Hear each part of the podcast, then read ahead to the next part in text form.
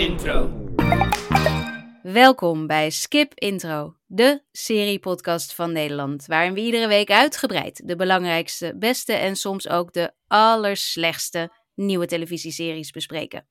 Mijn naam is Anke Meijer en tegenover me iemand die binnenkort ook een eigen vierdelige Netflix docuserie krijgt, Thijs Schrik. Hey, hallo. Ja, ik wilde eigenlijk acht delen, maar eh, Netflix heeft maar geld voor vier helaas. Maar goed, is, if it's good enough for Robbie, it's good enough for me. Ja, precies. Ja, we gaan het zo inderdaad hebben over, of tenminste ik ga het hebben over de uh, Netflix docuserie van Robbie Williams. Um, ik vond het nogal wat namelijk, dus ik moet er toch nog even over praten. Jij gaat het hebben, Thijs, over een animatieserie. Oh man, we zijn zo aan het uitbreiden ja. in deze podcast de laatste tijd. Nederlandse series, animatieseries, sci-fi. Want sci-fi, Hans is ook weer terug straks met uh, Hans sci-fi hoekje. Om toch ook weer even terug te komen op Loki.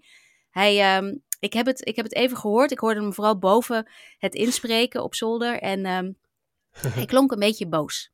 Dus ik ben erg benieuwd wat dat, uh, wat dat gaat zijn. Uh, en verder, verder Thijs, hebben we iets heel leuks. We hadden het al een beetje geteased de afgelopen aflevering. Wat gaan we doen straks? Ja, we hebben uh, een interview met een regisseur, Giancarlo Sanchez. De regisseur van de Nederlandse serie Santos, waar we het natuurlijk vorige week over hadden. En waar we allebei wel blij van werden.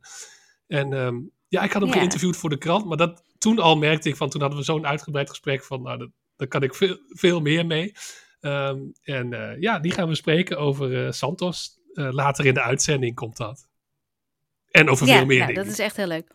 En over veel meer, ja precies. dat komt aan het einde van deze aflevering. maar eerst gaan we even beginnen met het nieuws. Want er is nogal wat nieuws. Jee, eindelijk. Thijs, nou. what happened? ja, godzijdank. De, nou, we hadden... ik, ik, ik weet niet meer, het was een rollercoaster. Maar uiteindelijk zijn die stakingen de acteurstakingen voorbij, waarmee alle stakingen in Hollywood op dit moment voorbij zijn. Dus um, volgens mij, we zagen nog net niet zoals toen Joe Biden president werd, dat in alle straten van Amerika mensen de straat op gingen en gingen feesten. Instagram was wel een maar beetje in LA zo. Was het wel een Instagram beetje, was een zo. soort van straatfeestje, ja. Ja. Nee, alle acteurs die natuurlijk maandenlang op hun handen hadden moeten zitten, die begonnen meteen met het promoten van alles wat er eventueel was uitgekomen of wat ze hebben gedaan. Of iedere rol die ze, die ze hebben gekregen, ja. waar ze nog niks over hadden mogen zeggen. Het was één groot promofeestje. Uh, en, uh, en ik geloof dat de eerste rode lopers alweer druk bezocht werden. En oh man, wat zullen ze blij zijn daar in Hollywood. En wij ook. Ja, want het, het, het werd echt spannend. En als het, als het nu niet was opgelost, dan hadden we echt een... Uh, ja, dan hadden wij ook een probleem met onze podcast. Want er waren er heel veel series gewoon niet uitgekomen. Maar nu, op, het, op, het, op het nippertje is het dan is het erdoor. En um, ja, ik ben toch wel, toch wel opgelucht. Toch wel opgelucht. Ja, ik ook hoor. Ik ook. Het was uh, vrijdagochtend dat het nieuws, uh, dat ik wakker werd. En dat Hans eigenlijk meteen tegen me zei, de staking is voorbij. Dus ik, oh, gelukkig. Um, ik moet zeggen dat ik, ik heb een beetje gekeken wat ze precies zijn overeengekomen. Uh, de SAG-AFTRA, de acteursvakbond, heeft het over een groundbreaking deal. En het gaat geloof ik ook echt om heel veel geld. Ze hebben flink wat uh, um, ja. goede afspraken kunnen maken over meer uh, zekerheid qua inko inkomsten voor de acteurs. En um, zelfs pensioendingen en dat soort dingen. Ik geloof dat het, dat het er allemaal goed uitziet. Het AI-stukje schijnt ook goed te zijn, maar ik snap er helemaal niks van, als ik eerlijk ben. Uh, kon jij daar kaas nee. van maken? Nee, zo zeg je dat niet. Wat maak je er ook alweer van in Nederland? Nee, maakt niet uit. Snapte jij er iets van, Thijs? Nee, nee. Maar ik denk dat de basis is dat er een soort ja, guardrails zijn. Dat er een soort bescherming is voor acteurs. Dat uh, niet zomaar met jouw uh, gezicht en met jouw stem... Uh, dat producers niet zomaar aan de haal kunnen gaan met jou. En als je overleden bent, dat je zonder toestemming bijvoorbeeld... tot in het treuren wordt, wordt gebruikt. Um, ja, ik heb ook nog een podcast erover geluisterd, waar een van de hoofdonderhandelaars ook erover vertelde. Maar die bleef ook een beetje vaag, moet ik zeggen. Volgens mij is er nu inderdaad wel wat meer bekend geworden, maar um, nee, dus de, de basis. Ja, dat was vast uh, Duncan, ja. Duncan Crabtree Ireland, uh, die samen met Fran Drescher, uh, a.k.a. de nanny, al die onderhandelingen heeft gedaan. Ik, heb de, ik heb die podcast inderdaad ook geluisterd, maar ik, had, ik was nog niet bij het AI-stukje gekomen. Maar wat, waar het wel op neerkomt is dat, dat ze bijvoorbeeld AI, dat ze niet zomaar kunnen zeggen, hé, hey, we huren jouw acteur vijf dagen in en we gaan zelf nog twee dagen lang met jouw ingescande beeldenis aan de slag. Ehm, zonder dat we jou daarvoor betalen. Dan moet zo'n acteur voor die twee dagen bijvoorbeeld ook worden betaald. Dat soort afspraken zijn er allemaal gemaakt. Ik zag wel weer dat Justine Bateman, die heb ik eerder genoemd hier, um, die uh, oud-actrice van Family Ties, die uh, inmiddels erg gespecialiseerd is in AI, die vindt het allemaal maar niks. Die heeft al gezegd van nou uh, jongens, um, keur het allemaal maar goed, dit. En dan is het vak zoals we het kennen straks dood. Ik, ik snapte ook niet helemaal waarom, want ik las wel weer andere mensen die zeiden van, nou, dat is, het is wat zij wilden. Ze wilden eigenlijk gewoon dat alle digitale reproducties verboden zouden worden. En dat dat gewoon ja, ja. geen optie is, omdat het nu al gebruikt wordt. Dus ja, de waarheid ja. zal ergens in het midden liggen. Ik, ik weet het niet. Ik hoop maar dat het in ieder geval voorlopig staat. En wat het vooral betekent, is dat Hollywood dus weer open is. En dat is meer dan alleen maar dat ze weer promotie mogen doen. Wat ook wel weer heel gezellig is, moet ik zeggen. Ik heb de eerste interviews uh, alweer in mijn e-mail zitten. Ik weet niet hoe het bij jou gaat, maar uh, ze komen ah. alweer, de, de opties uh, komen alweer binnenlopen. maar wat ik wel ook las, is dat, het, dat het niet betekent dat we in 2024 gewoon een release schema gaan hebben zoals we dat gewend zijn. Zeg maar vorig jaar hadden we natuurlijk maart, april. Dat waren idiote maanden met idioot veel releases. Omdat al die studio's en streamers die wilden de Emmy deadline halen. Dus die wilden hun nieuwe televisieserie uitbrengen voor uh, die Emmy deadline. Zodat ze mee konden doen met de Emmys van dat jaar. Of van dit jaar ja, eigenlijk, 2023. Ja. Uh, en dat gaat voor de komende lente uh, gaan we dat niet hebben waarschijnlijk. Nee, dus dat, dat, dat, het wordt sowieso een ander, een ander jaar. Ik, eh, ik hoorde ook weer een andere podcast. Waarin men toch ook wel zei van. Het wordt een. Geen geweldig jaar. Omdat er gewoon ook best wel veel dingen gewoon. toch niet gaan redden. en naar, naar 2025 worden geplaatst. Dus ook dat. Um, ja, maakt het, maakt het een. 2024 wordt een gek jaar in elk geval. Dus ja, ze gaan nu allemaal filmen. Maar ook weer niet. Ja de meeste gaan pas in januari weer filmen. Ik las wel dat sommige films die bijvoorbeeld bijna ja. klaar zijn. Bij Wolverine of uh, Deadpool 3. Dat men meteen weer ongeveer de set heeft. Dat alles weer is aangeslingerd. Dus ik denk dat er ook. Dat sommigen mm. de vakantie gaan skippen. Zodat er toch nog zo volledig mogelijk ja. release schema komt. Ja. Voor films en voor series. Ja, mm. ja, ja. Maar um, ja, ik ben heel benieuwd. Dat, wat we precies gaan meemaken. Misschien worden het een Emmy met, Emmys met series die anders normaal uh, niks winnen, die nu opeens wel gaan winnen. Omdat de echte toppers nog niet op tijd nou ja, klaar zijn. Dat zou goed kunnen natuurlijk. Wat ik wel op zich niet zo heel erg vind, want ik weet nog vorig jaar hoe druk het toen was en hoeveel series er gewoon doorheen ja. glipten, omdat het te veel was. Dus wat dat betreft is het ook helemaal ja. niet zo erg dat er wat minder uitkomt. En ook, nee. de, ook zonder de staking zat dat er al aan te komen, omdat er gewoon bezuinigd moest worden natuurlijk wat ik ook wel las is dat uh, het lijkt nu zo van alles kan weer van start gaan. Maar iedereen wil tegelijkertijd. En daar zijn niet genoeg studio's voor. Er zijn niet genoeg crewleden voor. Dus ook hmm. dat zorgt nog voor vertraging. Dus het is enorm dringen daar uh, in Hollywood. Iedereen is klaar om te gaan, maar er is niet genoeg plek. Het zal wellicht betekenen dat bijvoorbeeld Stranger Things, wat, wat echt stond te trappelen. Uh, omdat natuurlijk die kinderen veel te oud zijn inmiddels. En er moet nog een ja. seizoen worden opgenomen. Ja. ja. die zullen wel voorrang krijgen bij Netflix. Dat zal wel inderdaad, uh, misschien is het al nu al ja. bezig, bij wijze van spreken. Um, maar ja, of, of ze dat gaan redden is de vraag voor 2024. Um, ik zag wel, en dat vind ik heel goed nieuws, dat The Bear, wat vorige week officieel vernieuwd is voor een derde seizoen, dat we dat derde seizoen waarschijnlijk ook al volgend jaar in de zomer gaan krijgen. Dat, eh, dat zal dan bij ons iets na de zomer zijn waarschijnlijk, oh. maar dat ze diezelfde deadline, omdat het natuurlijk misschien, natuurlijk misschien, ik weet het dus eigenlijk niet zeker met andere woorden, maar The Bear is, is een... Uh, is een wat minder ingewikkelde show om te maken. Je hebt natuurlijk geen special effects, je hebt geen stunts. Het ja. is allemaal. Um, ja, en ze hebben al even kunnen schrijven aan het, aan het, uh, het nieuwe script. Dus hopelijk kan die productie gewoon snel ja. beginnen. Kunnen ze het snel maken. En krijgen wij volgend jaar onze dosis de bear alsnog. Daar, echt, die portie die wil ik wel, uh, die heb ik wel nodig, denk ik. Ja, dat, kun, dat mogen we niet. Dat is essentieel, een essentiële maaltijd. En dat geeft wel aan, ook sowieso is het fijn, een soort ik wil niet zeggen een kleinschalige serie, maar een ja, authentiek realistische serie die ook gewoon relatief snel uh, gefilmd kan worden. Geen special effects, noem allemaal maar op, waardoor zo'n Stranger Things soms jaren en jaren zijn ze er sowieso mee bezig. Um, en wat ik hoorde van de Bear, dat ze sowieso ook door eerdere seizoenen best snel er doorheen uh, konden knallen. Ja. Ook omdat de schrijver zo'n duidelijke visie heeft. En dat hij ook al ja, ready to go is. Dus dat, dat is het fantastisch nieuws in elk geval. Ja, ja, nou daar kijk ik echt uh, enorm naar uit. Uh, we hadden ook wel weer deze week was er weer wat ander nieuws. Dat was wat minder positief, want uh, Zaslav will be Zaslav, of hoe zeg je het, will be Zaslaving. Um, de CEO van Warner Bros. Discovery, die was weer eens in het nieuws en het was allemaal weer niet zo positief, geloof ik. Ik was natuurlijk vorige of twee weken geleden bij HBO in New York, maar dat was niet Zaslav, dat was de HBO-man, Casey Bloys. Uh, Zaslav is van het hele bedrijf, Warner Bros. Discovery.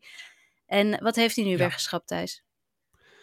Ja, nou, uh, Twitter en social media. Uh, ik noem het steeds gewoon Twitter. X bestaat niet, wat mij betreft. Mm het was meteen gedoe, want er is dus een film. Die heet Coyote versus Acme. Um, gebaseerd op Looney Tunes personage. en die is al af, die was al gefilmd, die was al helemaal klaar. Ook waren ze volgens mij al ver met special effects, want het zou een soort live-action meets animatiefilm worden. Zoals we ook ooit, uh, laten we zeggen, Who Framed Roger Rabbit hadden. En ja, heeft 70 miljoen gekost, maar is nog door het oude regime ooit uh, er doorheen gedrukt, of doorheen gedrukt, uh, goedgekeurd. Um, zou speciaal voor HBO Max gemaakt worden. Ehm, dat was echt, nou ja, een tijdje echt de, de visie van we gaan grote dingen ook ja, we gaan dingen voor streaming maken, ook grote films. Um, maar ja, nu met de nieuwe leiding was, wilden ze alleen nog maar uh, ja, bioscoopfilms weer maken. En viel deze een beetje tussen wal en schip van uh, wat moeten we er nou mee? En eindelijk hebben ze gezegd van nou dit is uh, om deze film die misschien wat kleinschaliger toch is naar de bioscoop te brengen, moet, komt ook weer veel marketing bij kijken. En misschien is die gewoon daarvoor net niet goed genoeg of niet commercieel genoeg. Um, maar ja, Hollywood, of alle makers, uh, schrijvers en acteurs die ermee te maken hadden. En die, die waren helemaal woest. Want ja, er wordt opeens weer een film de prullenbak ingegooid. En naar ja, verluid vanwege belastingregels. Ja, alles weg. Drie jaar aan gewerkt, zei de regisseur ook. Maar uh, ja, dus, dus iedereen dacht weer van... oh ja, we zijn weer terug naar het ouderwetse Hollywood... en het is nog steeds verschrikkelijk hier. Maar nu de meest recente berichten zijn... Uh, dat uh, Warner hem misschien niet in de kluis gaat gooien en toch gaat verkopen aan een andere partij. Dus dat hij nog ergens anders terecht kan komen. Wie weet pakt Netflix het wel of pakt uh, een Paramount het op. En ja, gaat het niet zoals met wat eerder gebeurde met een Batgirl film, uh, ook bij Warner, die helemaal de prullenbak in werd gegooid. Um, is er nog hoop dat deze film toch nog uitkomt, maar het geeft wel weer aan van de zaken gaan boven alles en de Zaslav heeft weer, misschien dat hij in een weekje iemand anders uh, inderdaad even de aandacht had, maar dat hij nu weer de bad guy van Hollywood is. En, uh, ja, dus gewoon vooral pijnlijk. En dat geeft ook wel weer aan van, ja, Hollywood is een beetje in de war. En wat moeten we met streaming? En ja. Ja, nee, Zaslav hoefde niet meer te onderhandelen, hoefde niet meer met Fran Drescher aan tafel te zitten. Dus toen, uh, toen had hij weer ruimte om dit soort dingen te doen, blijkbaar. Ja, nou dat er, dat er inderdaad ruimte is wel voor de makers om te kijken of het ergens anders kwijt, uh, of ze het ergens anders kwijt kunnen, is natuurlijk wel prettig. Uh, zeker voor de mensen die er zo hard aan gewerkt hebben. Want oh, hoe vreselijk dat zoiets gewoon wordt weggegooid. Ja. Uh, en ik denk ook wel dat het hartstikke slim is voor een Netflix of wat dan ook om het op te pikken. Ik bedoel, het zal niet bij een Disney of zo of HBO terechtkomen. Nee, HBO sowieso niet, Anke. Maar bij een Disney nee. terechtkomen, want dat past niet helemaal. Maar een Netflix, zou het natuurlijk wel kunnen doen. En iedereen wil het kijken, want je wil weten waarom wordt dit geschrapt, wat betekent het en hadden ze daar gelijk in of niet. Uh, zou ook voor Bad Girl trouwens gelden hoor. Ik denk dat degene die dat alsnog ooit een keer mag, uh, mag gebruiken, die uh, gaat er vast geld aan verdienen. Maar ja, nee, het, uiteindelijk op de, op de lange termijn um, ja, is het wel weer een teken dat het inderdaad allemaal zeker niet goed is in Hollywood. En dat nee, brengt me ook weer bij het andere nieuwtje. Uh, een nieuwtje wat in mijn inbox verscheen deze week. En die hebben misschien wel meer luisteraars ook gehad. Namelijk dat uh, Disney Plus uh, het abonnement wordt verhoogd van 8,99 per maand naar 10,99 per maand. Dat is nogal wat. Ook omdat Apple TV Plus recent ook al naar 9,99 per maand was gegaan.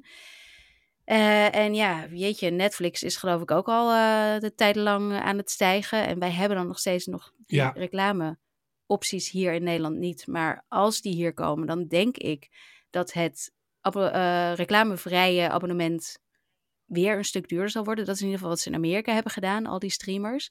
De reclamevariant ja. van het abonnement is de prijs die het normale abonnement eigenlijk altijd was.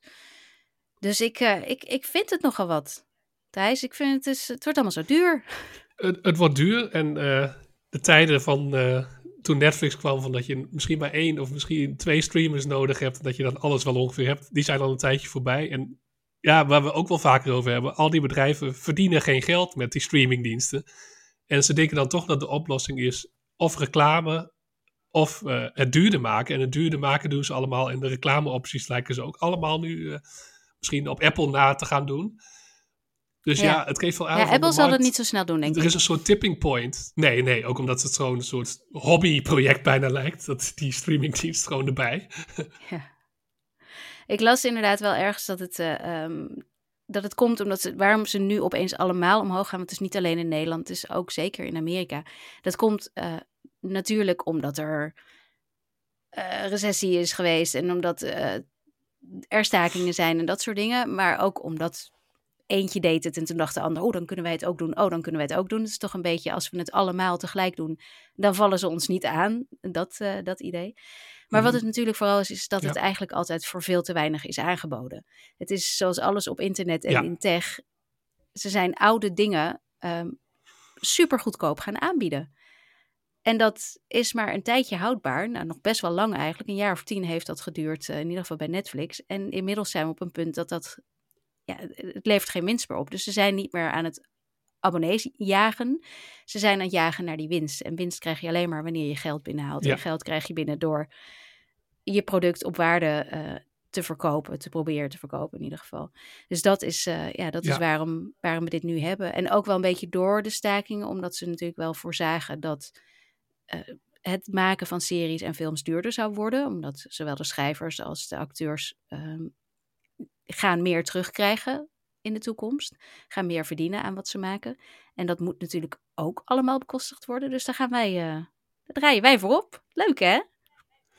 Ja, fantastisch. Ja, nee, gewoon het, het business, businessmodel is gewoon, werkt gewoon niet. Dat is uh, denk ik nee. de conclusie. Dat er is, uh, ja, de markt is overschat lange tijd en nu stort het een beetje in. En probeert men uh, op allerlei manieren toch dat geld binnen te halen. En ja, ik denk ook dat uiteindelijk moeten er toch wel een, wat diensten gaan vallen. Of de, de, de gaan diensten ja. samenkomen. Want op deze manier, ja, de consument, het, het leven wordt duurder voor iedereen. Dus dat, ja, dan gaan mensen gewoon opzeggen. Ja, sowieso. En, ja, dat ja. wil je ook en niet. Welke, welke, welke van deze streamingdiensten heb jij nou zoiets van, nou, ik bedoel, HBO Max is voor mij nog steeds 3,99. Want ik heb toen dat, uh, weet je wel, dat je je abonnement voor de rest van je leven, als je het abonnement in ieder geval aanhoudt, oh, ja. uh, maar de helft van de prijs zou betalen. Uh, en nu is het abonnement in Nederland ja. nog steeds 8 euro, denk ik, zoiets. 7,99 zul je waarschijnlijk betalen. Maar als het abonnement hier omhoog gaat, als, het, als ze kunnen opeens zeggen, ja nee, het wordt toch 15,99, dan moet ik daar de helft. Dus dan gaat het alsnog weer omhoog. Uh, dus wat dat betreft zal dat ook oh, ja. niet, uh, niet heel lang duren. Maar ja, HBO Max, ja, die ga ik niet zo snel opzeggen. Netflix vrees ik ook niet. Alleen al omdat ik dat, heb ik eerder gezegd, dat hebben we gewoon nodig voor werken. Want de screeners komen op het Netflix-account. Ja. Uh, dat is echt heel gemeen eigenlijk. Uh, en verder, ja, ja. Disney Plus. Ja, voor, ja, ja voor, de, voor de kinderen, denk ik. Daar staat Bluey op. Ja, die kan ik ook niet kwijt. Maar wat, wat gaat er nou als... Ik vind 10,99 wel weer erg duur per maand. Wat zou jij ja, opgeven? En uh, Prime Video heeft de... Prime Video heeft de prijzen ook verhoogd, of gaat de prijzen verhogen. En dat zou dan wel degene zijn die ik denk ik dan uh, opgeef. Ondanks dat ze wel ja, een heel goed filmaanbod hebben. Maar qua series, als je naar de series kijkt, ja. toch net niet over het algemeen, helaas. Ja, ja, Prime. Ja, en Apple misschien. Ja, ja het, ik, ja denk dat ik. voor iemand die zo lang en zo Apple, fan is ja. geweest van Apple. Maar de laatste tijd viel het me een beetje tegen. En, uh, en ik, ik vraag me ook een beetje af hoe lang Apple het vol gaat houden. Want het is inderdaad een hobbyproject. Maar aan de andere kant stoppen ze er zoveel geld in... dat het misschien wel iets Mhm. te duur gaat worden voor ze. En aangezien er ook... Er zijn behoorlijk wat mensen die hebben opgezegd in Amerika... omdat de prijsstijging eh, werd ingevoerd. Hmm. Dus Ze hebben ook gewoon het zwakste aanbod, eh, Apple. Ehm, ook omdat ze gewoon geen series van anderen hebben ingekocht. Dus ehm, ja, je kunt nog zeggen voor de goedkope prijs die ze eerst hadden, dan is het nog wel de moeite waard als je af en toe, eh, ja, als je van de morning show houdt of Ted Lasso ehm, of Severance natuurlijk. Maar eh, Ja, Severance, als het ja. dan weer toch duurder wordt, dan is dat denk ik toch de eerste die veel mensen inderdaad dan laten, laten zitten. Ja, het is sowieso degene die vrijwel niemand in Nederland nog heeft, volgens mij. Ik heb niet het idee dat er veel. Nee, Altijd nee. als wij een Apple Show hier in, eh, eh, als eerste in, in de omschrijving van de aflevering zetten, wordt die het minst goed beluisterd, volgens mij. Omdat mensen denken, ja, die heb ik toch niet, Apple. Laat maar. Wat Nee, wel iedereen klopt. heeft, Thijs, iedereen heeft Netflix. En Ja. eh, iedereen, Ja, iedereen zeker. kijkt ook uit naar. Iedereen kijkt ook uit, dat is niet helemaal waar. Jij kijkt niet uit naar eh, de nieuwe afleveringen van The Crown. Ik weet dat Alex daar ook nooit naar uitkeek. Ik weet dat Niet Hans echt. daar niet naar uitkeek. Ik kijk daar wel naar uit. Ehm, maar, eh, eh, en normaal, ik, ik schrijf er ook altijd, ieder seizoen weer schrijf ik een verhaal erover voor de VPRO-gids. Dat zou ik dit keer ook gaan doen. Alleen er waren geen screeners. Ik kon geen enkele aflevering van tevoren krijgen. Mm. Ik ben niet de enige. Niemand niet. En dat vind ik, eh, vind ik heel opvallend. En zo opvallend dat ik het toch even met jou wilde bespreken. Want donderdag komen dus de eerste vier afleveringen van het laatste seizoen uit. Het zesde en laatste seizoen. Eh, de andere afleveringen, dat zijn er nog zes, die komen volgende maand uit. Ik geloof 16 december. Maar van deze zijn dus, is dus helemaal niks. Helemaal niks te zien nog. En het gaat over het ongeluk waarbij Prinses Diana om het leven komt. Dus het zijn, het zijn nogal wat afleveringen. Je wil er wel wat over weten, je wil er wel wat over zeggen. Ik werd bijvoorbeeld al benaderd door ehm Ekdom in de Morgen, radioshow van, van Radio 10, waar ik regelmatig wat mag vertellen over series. Zo van, hey, kom je donderdag weer om over The Crown te praten? Ik zei, sorry, dit keer mag ik niks kijken. Wat heel bijzonder is, toch? Ja, het, het past wel in de trend dat het, hoe groter de serie, eh, hoe minder grote kans is dat je screeners krijgt. En ik heb dan het vermoeden, want bij The Crown deden ze het wel altijd, dat ze misschien, omdat Ja. de materie zo gevoelig is met de dood van Lady Di, dat ze doodsbang zijn van, lekt iets uit over hoe ze dat precies eh, gaan behandelen in de serie. Want het is duidelijk dat het eh, in dit eerste deel van het slotseizoen eh, gaat gebeuren of terug gaat komen. Ehm, dus een soort angst ook weer, die eh, wel eens vaker ontstaat, ehm, van dat er iets uitlekt. Daar, ik, mijn gok is in die hoek. In de combinatie met een soort van Netflix die denkt, ja, god, we hebben dat toch niet nodig. Het verkoopt zichzelf wel, Nee. we moeten zeggen wanneer het begint. En dan gaan mensen wel kijken. Zo- Zo'n soort gedachte zal er misschien ook zijn. We zetten het bovenaan de pagina, de homepage van iedereen. En iedereen klikt er wel op, komt wel goed. Ja, nee, Ja. dat is absoluut zo. Ja, Dat is absoluut zo. Dat denk ik ook wel. En het is inderdaad zo dat, dat eh, eh, ze niet willen dat er iets lekt. Wat ook eh, niet helemaal gelukt is. Want gek genoeg had The Sun, geloof ik dat het was, wel al een paar scènes gezien. En in die scènes blijkt Diana, en dan is ze al overleden, maar dan blijkt ze als een soort van ja, geestverschijning of, of, of ja, iets, iets Oh. spiritueels in ieder geval, iets bovennatuurlijks, eh, schijnt ze nog een, gesprekken met eh, eh, zowel Charles als Queen Elizabeth te hebben. En daar is natuurlijk in Engeland al een Hmm. enorme rel over geweest, want het is respectvol, bla bla bla. En nou ja, ik, de, de Ja. maker van ehm, The Crown, Peter Morgan, heeft al in Variety, zei hij al, van dat het echt dat het absurd is, die ophef. En ehm, dat niemand nog begrijpt op wat voor manier dat wordt gedaan. En daarbij dat Diana Nee. een bijzonder mens was die op een bijzondere manier behandeld moest worden door hem. Maar ja, het is in ieder geval, het, het, het- ik vind het wel intrigerend. Dus ik denk wel dat ik donderdag eh, zo snel mogelijk eh, even Netflix aanzwengel om te kijken. En misschien kom ik Ja. er volgende week wel op terug als het echt wat is. Maar dan heeft iedereen het al gezien, want Netflix. ja maar dan als er, als er wat gekke dingen in zitten, of, dan valt er nog wel genoeg om te, te bespreken. En eh, ja, ik vind The Crown altijd interessant om alles eromheen te volgen. Maar dan als ik de serie zelf kijk, ik vond de eerdere seizoenen nog wel, wel soort van interessant. Maar ook nu, hoe dichter je bij de recente geschiedenis komt, krijg je ook meer dit soort tabloid talk. En ja, denk Ja. ik van, hm, ik weet het niet helemaal. Ja, de- ook, die nieuwe acteurs, die zijn, maar goed, dat, dat, Oh ja, Ja. Charles, nee, Bouw, daar hebben, we, daar hebben we het vorig jaar al uitgebreid. eh, nee, dat ja, ja, ja, ja. Nee. Nee, geen zin in. Nee, zeker niet. Nee, en de eerste seizoenen waren inderdaad erg leuk. Omdat ze historisch waren. Omdat het echt voelde alsof je ver in de Ja. geschiedenis keek. En, eh, en nu is het net iets te veel. Zo van, nou ja, ik weet nog, ik weet nog wat het, hoe het was toen Diana overleden was inderdaad. En dat maakt het, eh, maakt het allemaal wat minder... eh, wat minder romantisch en wat, wat ja, realistischer en minder leuk daardoor. Maar we gaan het zien. In ieder geval donderdag staat dat dus op Netflix. En ik ga met jullie allemaal tegelijkertijd eh, kijken, waarschijnlijk. Wat eh, wij niet hebben gekeken en ook niet meer gaan kijken, is Loki. Loki is uh, afgelopen. Vorige week was de laatste aflevering. Ik heb er bar weinig van gehoord of over gehoord. Ik heb niet het idee dat het een hype was zoals de vorige keer. Um, ik weet dat Hans het wel iedere week keek. Maar jij ook niet, toch, Thijs? Nee, ik ben ook afgevraagd naar die eerste vier afleveringen. Die, we, die mochten we wel vooraf kijken. Wel in één weekend mochten we kijken, maar meer niet. Um, nee, ik ben ook afgehaakt. Ik heb wel een beetje gevolgd van uh, wat er nou precies gebeurde. Maar met alles wat ik erover las, dacht ik, hm, nee, goede keuze. Uh, het was een goede keuze om af te haken. ja, precies. Nou ja, dat, uh, Hans, Hans is wat dat betreft heel trouw. Die heeft gekeken, ook voor ons natuurlijk. En speciaal voor ons ja. heeft hij dus een sci-fi hoekje opgenomen over die laatste aflevering. Nou, het, eigenlijk het hele seizoen van Loki. En um, nou ja, wat ik dus heb gehoord, wat ik net al zei, hij is boos. Luister zelf.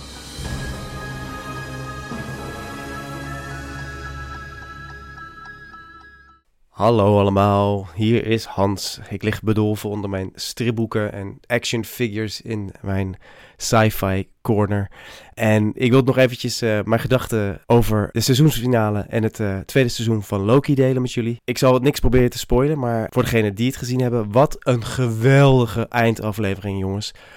Oh man, ik, uh, het, uh, het, is lang geleden dat ik zo op het puntje van mijn stoel heb gezeten. Zo, ja, zo magische stukje, zo magisch stukje Marvel heb kunnen kijken. Maar tegelijkertijd maakt het me, ja, dit, uh, dit hele seizoen en zeker die eindaflevering maakt me heel erg boos. Want waarom waren alle afleveringen niet zo goed als deze? Het is echt, het echt een strikje op het verhaal van, van, van, van Loki, de, de, de, de god van leugens en, en ondeugd van Marvel Comics. Ik, ik weet dat ik uh, in het eerste, in een paar afleveringen geleden, ja, heel enthousiast was over, over de terugkeer van, van de serie. En ja, daar ben ik toch wel een beetje op teruggekomen in de loop van het seizoen. Ook gewoon omdat het allereerste seizoen van Loki uh, was qua opbouw van, van de onderlinge relaties tussen de personages. En, en vooral de worldbuilding, hè, al die mooie werelden die ze bezochten. Dat was zo fantastisch mooi. Het was zo'n intiem verhaal ook, hè, tussen uh, tussen die ontluikende liefde en intimiteit tussen, tussen uh, Loki zelf en zijn, en zijn uh, variant Sylvie. En ja, het lijkt een beetje alsof het tweede seizoen van Loki ge gefilmd werd tijdens de corona-lockdowns. Want ja, het, de actie speelde zich vooral af op, ja, op, één, op één plek, hè, de, Time Variance Authority de TVA. En ze gingen nergens heen. Ze waren veel aan het rennen, maar deden echt niet zo heel veel. Er waren veel technische termen waar, ja, waar je als kijker eigenlijk uh, ja, maar moeilijk je hoofd omheen kon rappen, zoals ze dat dan zeggen. En er waren ook echt heel veel ontwikkelingen in de, in, in de eerste vijf afleveringen die eigenlijk uiteindelijk nergens echt naartoe gingen. nergens toe leiden. Vond ik heel, heel erg jammer. Zeker als, uh, als Marvel-fan en, en Loki-fan. Die, die, als je ziet in het eerste seizoen waar ze allemaal heen gingen en wat ze allemaal deden. En ik vond het ook heel erg jammer dat in het tweede seizoen ja, de, de, de karakters, de personages heel erg, ja, eigenlijk voor lief werden genomen. Dat bijvoorbeeld uh, uh, B-15, uh, de, de, de actrice Win, Winnie Mos Mosaku, die had zo'n grote rol in het eerste seizoen waarin ze ja, eigenlijk achter de waarheid komt van de TVA. En hier was ze vooral eigenlijk, ja, stond ze aan de zijlijn en was ze vooral iemand die de hele tijd zei: Oh nee, oh wat nu, oh nee. En dat, ja, dat was gewoon heel, dat is gewoon een stappen terug qua, qua ja, personage. Uh, en ook bijvoorbeeld een interessant karakter als de, de, de verrader Brad Wolf, de, de agent X5. Die, die in de, tweede aflevering ja, wordt neergezet als iemand die uh, acteur wil zijn. En eigenlijk helemaal geen soort van agent wil zijn. En ja, uiteindelijk werd daar heel, weinig mee gedaan. Dat vond ik heel jammer. En in die seizoensfinale die vorige week uitkwam, ja, moet ik ook wel weer zeggen dat hoe goed die ook was, de allerbeste momenten kwamen eigenlijk uh, uit scènes die verband hielden met seizoen 1. Bijvoorbeeld uh, die ontmoeting met, met He Who Remains. En dat, ja, dat is misschien eigenlijk wel heel typerend voor, voor Loki seizoen 2. Dat eigenlijk uh, het allerbeste wat er uitkwam, dat kenden we eigenlijk al. En dat, ja, dat ze eigenlijk niks nieuws hebben geprobeerd te doen in het tweede seizoen. En dat maakt het tweede seizoen van Loki teleurstellend. Maar uiteindelijk, ja, met, het, met die laatste aflevering maken ze het een beetje goed. En is het toch wel een goed einde aan het verhaal over deze, over deze god die van, van arrogant en, en, en, en boosaardig gaat naar iemand die ja, alles doet voor andere mensen om voor het grotere goed werkt. Dus ja, ja en, te, en het is wel veelzeggend dat ik nu vooral uitkijk naar uh, Invincible, de superheld op uh, Amazon Prime. Dat dat eigenlijk nu voor mij het meest ja, losmaakt qua spanning en, en, en verwachtingen. En dat ik niet zit te wachten op de Marvels of een andere serie van, van, van Marvel. Uh, Make Mine Marvel, dat, zeg ik, dat, dat heb ik altijd al gezegd. Maar vooralsnog denk ik, ja, weet je wat? Ik ga de kat uit de boom kijken. Dus dit, was mijn, uh, dit waren mijn korte gedachten over, over Loki. Ja, Hans sci-fi hoekje was dat over Loki. Um, door naar andere dingen. Um, door naar animatie. Let December's light brighten a path to the men I seek. Guide my steps until I find them and kill them. Abijah Fowler. He was one of the four white men in Japan when I was born. One of them took my mother and made me a monster. You have murder in your eyes. He deserves to die. Thijs, ik, uh, ja. ik ben heel benieuwd. Ik heb dus niks gekeken, maar ik heb wel al best wel wat goede dingen voorbij zien komen hierover. Mensen zijn enthousiast. Blue Eye Samurai heet het. Staat ook op Netflix. We zijn weer erg Netflix op het moment. Vertel, Thijs. Ja, Blue Eye Samurai. Uh, het kwam voor mij ook helemaal uit het niets eigenlijk. Dus zij was op Netflix, Netflix geplaatst. Dus ik wist vooraf ook niet uh, dat het eraan kwam. Maar opeens zag je dan, zag ik op uh, ja, wat Amerikaanse collega's wat recensies plaatsen. En ehm, ja, die je toch wel onder de indruk maken. Dus ik dacht, laat ik dat eens kijken. Want ja, ik heb, we hebben wel vaker animatieseries besproken sinds ik erin zit. Maar het is niet per se dat het mijn ding is. dus dat, dat nu uh, dit alweer in de, in de picture wordt gezet door mij is niet per se omdat ik hou van animatie. Of uh, behalve dan de Simpsons. Maar dat is weer een andere categorie. Uh, maar Blue Eye Samurai, het is een Amerikaanse serie. Maar die speelt zich wel af in Japan in het, uh, als ik het goed uitspreek, het Edo-tijdperk, 17e eeuw, als eigenlijk de grenzen helemaal zijn gesloten. Dus dan, ja, Japanners willen, je mag er niet in en er niet uit. Dat is heel simpel gezegd. En wat ook het idee uh, toen in Japan was van, je moest helemaal puur zijn. Dus als je, ja, je, uh, zeg maar een witte vader had, dan was je bijna een soort demon. En nou, je hoort aan de titel mm. Blue Eye Samurai al van nou, daar, daar is misschien iets aan de hand. Het gaat inderdaad over een uh, vrouw die heeft een uh, Japanse moeder uh, en een vader. Ik weet niet precies waar die vandaan komt, maar die is wit. Dus ja, mixed race, zoals ze dat dan zeggen. En daarmee ben je een soort ja, paria. Um, en wat zij eigenlijk wil doen, ze is wel een, een strijder geworden, een samurai. Ze is getraind, bijna zoals in Kill Bill. De serie doet me ook nogal aan Kill Bill denken. Um, ze wordt oh. opgeleid door, door iemand als een echte super samurai. En haar missie is eigenlijk, zij wil uitzoeken wie nou haar vader is. En ze wil die man vermoorden. Want uh, uh, het lijkt erop dat, nou ja, dat ze, ja, dat die man, uh, ja, dat ze mogelijk de moeder, eh, mogelijk niet, nou laten we zeggen, niet vrijwillig moeder is geworden. Dat hij verkracht is. Dat wordt gesuggereerd. Ik weet niet of het echt zo is. Dat moeten we, ja, ik heb nog niet de hele serie uitgekeken. Maar wat vooral opvalt is dit, uh, het is prachtig geanimeerd. Het is een soort 2D-animatie met af en toe wat 3D erdoor. Maar nou ja, als je wat plaatjes dan van ziet, dan uh, super indrukwekkend.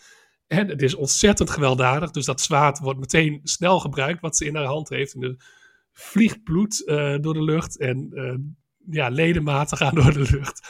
En ehm, ook aardig wat naakt. Zowel man als vrouw komt naakt in beeld. Dus het is zeker geen serie om met kinderen te kijken. Dat, uh, dat kan ik ze wel zeggen. En ja, dus er zit een soort van, bijna als een videogame, zoekt ze steeds ja, mensen op en komt ze steeds dichter bij ja, de grote macht waar ze achteraan zit. En um, het is knotsgek, maar ik, ja, ik zat te kijken terwijl ik nogal geveld was door een, door een verkoudheid. En dus af en toe dacht ik van, ben ik nou een beetje aan het dromen of aan het eilen? Maar Nee, het was deze knotsgekke serie. Die uh, ja, maakt veel indruk. Ja. Oké. Okay. En Eldro, maar tegelijkertijd wel, zit het dus wel goed in elkaar. Het is niet dat het gewoon compleet van de rails gaat. Het gaat niet compleet van de rails. Er zijn uh, ja, fantastische actiescènes, maar ook gewoon personages worden flink uitgediept. Wat het ook is, zij houdt dus geheim dat ze vrouw is, dus ze doet alsof ze man is. Want als vrouw heb je het daar simpel gezegd ook niet, uh, niet makkelijk. Dus um, ja, er gaat ook een soort reputatie dat zij de uh, gevaarlijkste strijder van heel Japan is. En dat iedereen op deze man moet letten als hij ergens een dorpje binnenkomt of een stadje binnenkomt. Maar het is dus een vrouw, dus dat is ook het geheim. En ze heeft een zonnebril op, zodat mensen de blauwe ogen niet zien. Uh, ze krijgt ook nog een sidekick. Een zonnebril. Uh, is dat historisch correct? Een zonnebril. een zonnebril. Weet ik eigenlijk niet. Dat, uh, dat durf ik niet te zeggen. Ik, ben, ik, heb, ja, ik wil wel wat meer over de geschiedenis weten van, van hoe dat nou precies was in dat tijdperk. Maar um, ja, een fijne, fijne verrassing. En dat, dat is toch ja, het voordeel van Netflix. Ze maken zoveel dat er ook opeens dan weer zo'n serie uit het niets eigenlijk tevoorschijn komt. En langzaam maar zeker ontstaat er dan zo'n beurs. En ja, in dit geval wel terecht. Oké, nou leuk. Ja, hij staat dus al helemaal op Netflix. Blue Eye Samurai.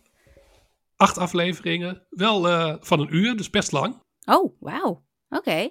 Maar dat, ja, ik, ik, vind, ik vind animatie zelf altijd ontzettend moeilijk.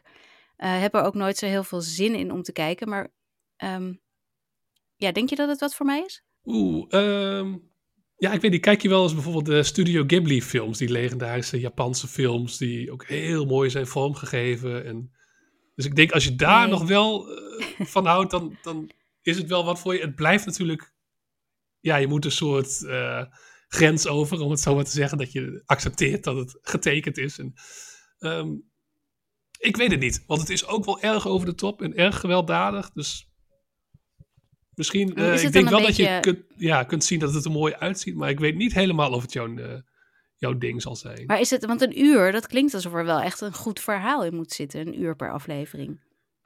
Ja, en ook, nou, er wordt in elk geval veel uitgebouwd en uh, aardig wat flashbacks over onze Blue-Eyed Samurai. Um, ja, het gaat best wel, best wel de diepte in. Alleen, ja, ik ben halverwege nu, dus ik weet niet of het zo goed blijft, maar um, ook wel veel, ja, actiescènes die nogal wat worden uitgerekt. Dus het is niet zo dat het het meest diepzinnige verhaal is uh, wat we ooit hebben mhm. meegemaakt. Maar wel interessant, want die sidekick is ook, is ook bijvoorbeeld iemand met, uh, die heeft bij zijn beide handen verloren. Dus dat is een, een sidekick die uh, fysiek beperkt is. En die krijgt ook wel, wordt wel aardig uitgediept. En is ook een beetje de comic relief.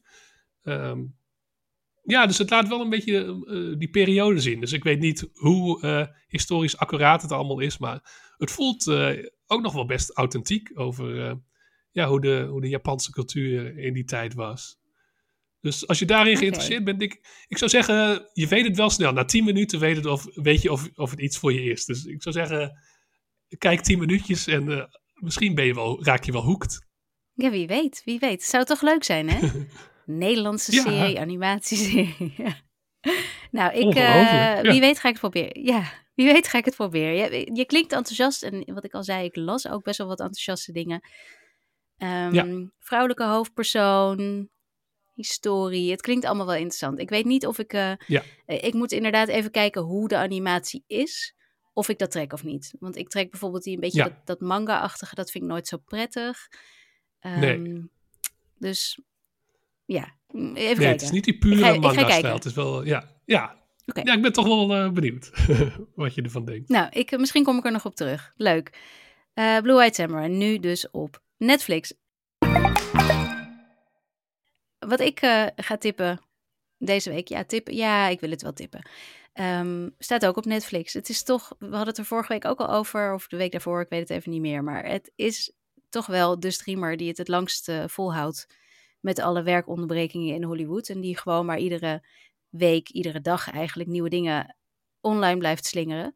Waaronder uh, veel docuseries, valt me op. Ik, uh, ik, ik, las ook al veel over uh, Twin Flames, heet het geloof ik. Daar, daar ga ik me, hmm. denk ik, na deze opnames eventjes in verdiepen. Misschien dat ik daar ook weer later op terugkom. Um, maar wat ik afgelopen dagen heb gekeken is de documentaire over Robbie Williams. It's astounding what's happened in my life. But the past has me in a headlock. Something has to give. You know, you're only supposed to do this at the pearly gates of St. Peter. This looking back at your life. And I joined Take That. I was 16. It was insane. The winner is Robbie Williams. I was the center of the pop culture world. Heb jij iets met Robbie Williams? Ik vind hem als persoonlijkheid zeer interessant, omdat het... ehm, ja, hij komt natuurlijk uit de boybandwereld, daarna solo popster geworden. En ik vind vooral van zijn, zijn brutale... eh, zijn karakter, dat vind ik heel eh, interessant. En hij heeft ook wel een paar bangers eruit geknald, maar ik heb verder niet zo heel veel met hem. Een paar bangers. Eh, ja, nee, eh, ehm, ik ehm, ben een eh, tienermeisje. Ik, ik was een tienermeisje in de jaren negentig. Dus ik was eh, groot, Mm. groot Take That fan, Thijs. Ik was enorm Take That fan. Ja, Ehm, ik heb ook ik. absoluut gehuild toen Robbie. ja, ik heb absoluut gehuild toen Robbie wegging. Ik had ze twee keer in, in, concert gezien, wou ik zeggen, in concert. Twee keer een concert van Take That gezien in Ahoy, alle twee. Mijn eerste concertervaring was dat, denk ik. Ik vond het, eh, ik vond het heel bijzonder. Eh, ik heb Robbie daarna ook nog een paar keer gezien. Toen was ik zelf al niet meer zo enorm fan, maar schreef ik heel veel over muziek. Dus kon ik gewoon altijd. Mm. eh, gratis en voor niks er naartoe. Ik heb zelfs nog een keer voor een verhaal, zo populair was Robbie toen, eh, dat was denk ik ergens eh, begin jaren nul. Toen was hij in Nederland en toen heb ik voor een verhaal voor het tijdschrift waar ik toen voor werkte, heb ik geprobeerd om zo dicht mogelijk bij hem te komen. Een soort van de hele tijd achtervolgd samen met een fotograaf. Was, was best een leuk verhaal om te maken. Uiteindelijk ben ik niet heel veel dichterbij gekomen dan een meter afstand. Grappig genoeg heb ik een paar jaar daarna ehm, heb ik alle leden van Take That geïnterviewd. Toen ze weer, eh, weer hun reunie hadden. Ja, dus dat was, toen zat de 15-jarige Anke zat in de inmiddels 25-jarige Anke of zo heel hard te gillen. Terwijl ik natuurlijk heel cool probeerde te zijn. maar ik heb dus echt een, een, een behoorlijke ehm, Take That geschiedenis. En, en ook Mm. ja, Robbie Williams uiteraard. Ehm, al, al was hij nooit mijn favoriet hoor, dat was Mark. Maar wat ik nu niet meer begrijp, maar toen wel. Die ken ik er. Die ken jij helemaal niet zo grappig. Nou ja, eh, alle, eh, alle mensen die ooit eh, die luisteren, die ook Take That fan waren, die weten precies waar ik het over heb. Maar in ieder geval, ik heb dus met onwijs veel interesse naar deze vierdelige docu-serie zitten kijken. Omdat ik eigenlijk zo weinig wist van Robbie Williams. Ondanks dat hij Mm. zoveel altijd leek te delen, omdat hij gewoon zo alles er maar uitflapte. Ehm, en het was, ik vond het een ehm, best wel hele heftige zit, moet ik zeggen. Ik, ik kan niet zeggen, weet je wel, Mm. de, de David Beckham docuserie van een paar weken geleden is natuurlijk een, een bijna feel-good serie. Ook al behandelt hij ook wel wat eh, dieptepunten en wat heftige momenten. En zeker de Britse pers, eh, wat een nare Britse Ja, pers. ja. Dat hebben deze twee docu-series met elkaar gemeen. Want ook Robbie is genadeloos afgemaakt. Wat hij ook deed. Of hij nou succes had of, of faalde. Het maakte niet uit. Hij werd onderuit gehaald. Eh, en daar heeft Robbie dus ook ongelooflijk veel last van gehad. Hij is, ehm, nou ja, dat weten we denk ik ook allemaal wel. Hij is enorm depressief geweest. Hij heeft allerlei problemen met verslavingen. Van alcohol tot pillen tot weet ik veel Ja, wat gehad. Ja, ja.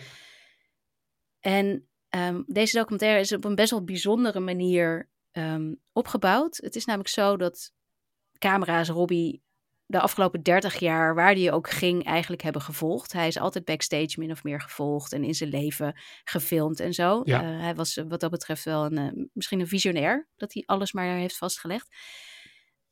Al die beelden die had hij zelf nooit echt teruggekeken. En nu Mm. kijkt hij dat terwijl hij gefilmd wordt op zijn laptop in bed met enkel een onderbroek en een hemdje aan. Ja. Kijkt hij die beelden terug. En die, die beelden zijn wel natuurlijk door eh, regisseur Joe Perlman ehm, gecureerd van tevoren. Die heeft wel bedacht van dit wil ik allemaal laten zien en dan kijken hoe Robbie erop reageert. En dat begint Ja. dus bij Take That en bij die eerste beelden en dan vervolgens zijn solo carrière. ehm, en zijn enorme successen, maar ook zijn enorme dieptepunten. En dat is aan de ene kant heel interessant, want er zijn, er zijn heel veel backstage beelden die nog nooit iemand gezien heeft, waaronder dus Robbie zelf. Maar ehm, aan de andere kant zorgt dat ervoor dat je dus alleen maar de archiefbeelden hebt en Robbie in zijn slaapkamer ja. in 2022, geloof ik dat het was, in Los Angeles. Dus het is niet, je hebt verder geen andere mensen die aan het woord komen. Alleen zijn vrouw Oh. Ehm, Eda is, is in de laatste aflevering heeft ze een, wordt ze geïnterviewd en kan ze een paar dingen vertellen, maar voor de rest helemaal niemand. Dus hij zegt van alles over Take That natuurlijk. En, en zeker op die archiefbeelden is die heel heftig over met name Gary Barlow, een van de leden van Take That. Hmm. En Ja. ehm, die kan zelf daar niets over zeggen. En hij is heel, het is, er is, hij heeft een, een partner gehad met wie hij eh, zijn nummers schreef, zijn bekendste nummers, dus Angels en dat soort dingen, Feel. Die Ja. heeft hij allemaal geschreven met Guy ehm, Chambers. hij, Chambers, ik, toch? als ik het goed. Oh, Ja, Guy Chambers. Daar, die zie je heel veel op de beelden en die wordt ook geïnterviewd op die archiefbeelden. En Robbie heeft daar van alles over te zeggen, want hij heeft die samenwerking op een gegeven moment verbroken. Maar je, je hoort nooit Guy daar achteraf, dus nu nog op terugkijken. Dus dat maakt Mm, het. nee, en er zit ook een hele. Een heel stuk in waarin hij op vakantie is met on- onder andere Guy en zijn vrouw en eh, Gary Halliwell van de Spice Girls, waar Robbie blijkbaar, dat wist ik helemaal niet, eh, een relatie mee had. Maar dat wordt ook niet helemaal duidelijk. Maar je ziet dus allemaal die vakantiebeelden en hoe leuk ze het samen hadden. En Robbie vertelt daar het een en ander over. Maar je hoort haar niet, want zij vertelt er verder. Zij, zij is niet geïnterviewd, niemand is geïnterviewd immers. Ehm, maar Nee. de regisseur vraagt ook niet heel specifiek aan Robbie: hadden jullie dan een relatie en hoe zat dat dan? En dus het is allemaal alleen maar wat Robbie zelf wil delen. Wat het dus heel beperkt maakt. Ja, dat klinkt niet. eh, ja. Ja, dat, dat is dus, dus. Dus er zijn heel veel. Wat dat betreft is het een. Voelt het als een. ehm, ja, een beperkte documentaire. Maar aan de andere kant, wat ik zou zeggen, wat hij vertelt, is dan wel weer super interessant. Omdat hij bijvoorbeeld Mm. vertelt dat hij tijdens ehm, de optredens die hij ergens in de jaren nul had eh, in Leeds, twee avonden achter elkaar, met wel 80.000 mensen in het publiek, eh, live uitzendingen op tv en internet, weet ik veel wat allemaal, dat hij tijdens in ieder geval die eerste avond een complete paniekaanval had.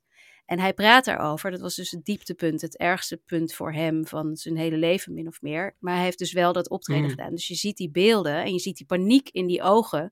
Maar dat, zie je, dat, dat ja, ja. wist waarschijnlijk niemand daar. Dat heeft niemand doorgehad. Mensen dachten misschien, nou, hij was niet zo sterk vanavond. Maar dat vertelde hij dan achteraf over. En dat is wel weer, dat is, ja, ik, het was heel spannend om dat van hem te horen. Ik zat wel echt ja, op het puntje van mijn stoel te luisteren naar wat hij daarover vertelde. En ook wel heel, ook heel heftig. Hij heeft zo'n fucking tragisch leven voor iemand die zoveel succes heeft gehad. Het ja, is echt dat heb ik wel meegekregen. Ja.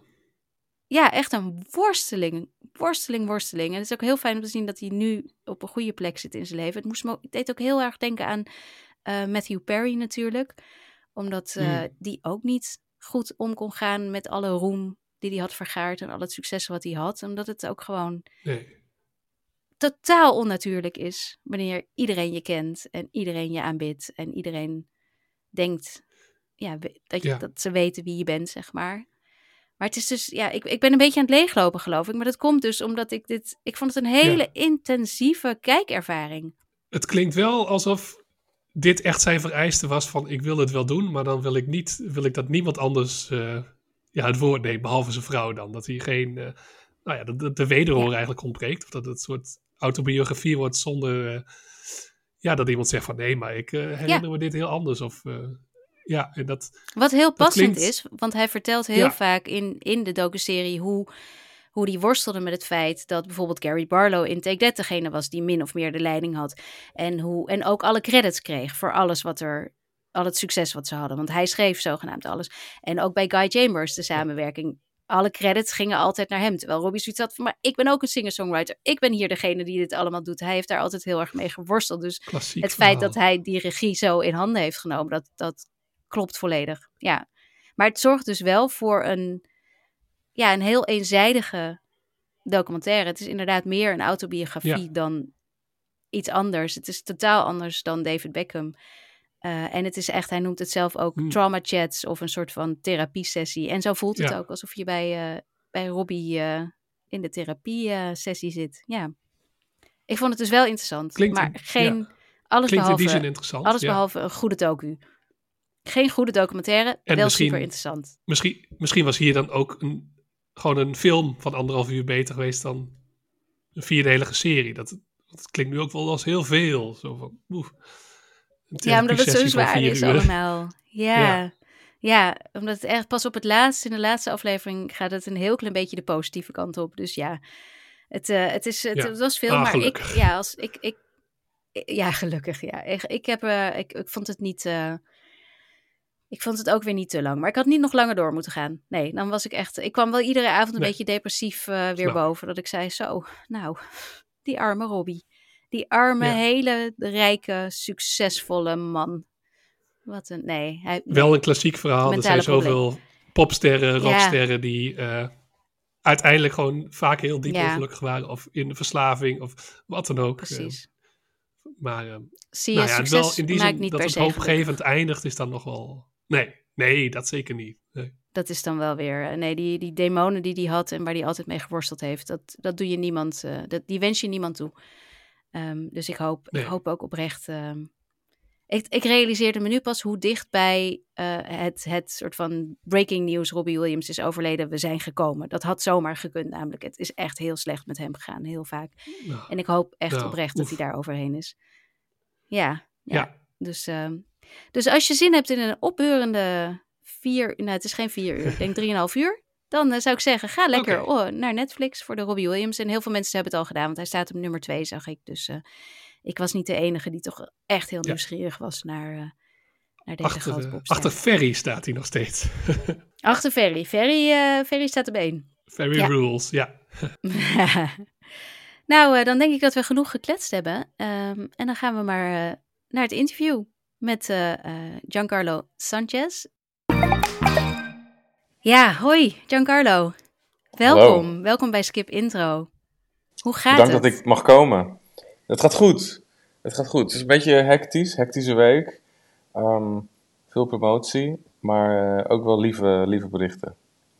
En je, je vertelde ons net al voordat we begonnen met opnemen dat je vorige week naar de aflevering van Skip Intro hebt geluisterd waarin we het over Santos hadden. Eh, ik wil jou de kans geven om, eh, om daarop te reageren. Hebben we iets gezegd waarvan je dacht, wacht even, mensen. Eh, nee, nee. Ik, ik, ik vond jullie heel. kijk, ik denk dat seriekijkers natuurlijk enorm verwend zijn met allemaal Amerikaanse en Britse series. Dus dat ze. ehm, Dus dat, dat, dat, dat we in ieder geval de goedkeuring van jullie hebben gekregen als Nederlandse serie, dat, eh, daar, daar ben ik al lang blij mee. Oké. Dus het was niet dat je dacht, nou, dit hebben jullie helemaal verkeerd gezien. Eh, nee, ik vond eigenlijk best wel eh, spijker op de kop slaan. Met wat, wat ons doel is met, met de serie. Wat we proberen. En ja, net, net, een, net een ander licht schijnen op, op, op, op misdaadserie. Of net een ander vleugje, een ander smaakje eraan toevoegen. Want vertel, hoe is, het, hoe is deze serie ontstaan? Ja, ik denk dat eh, er is natuurlijk een lange traditie van eh, misdaadfilms. Eh, en dat zijn of B-films of eh, Martin Scorsese klassiekers, zeg maar. En ik denk dat, dat, dat, dat ja, wij allemaal als tiener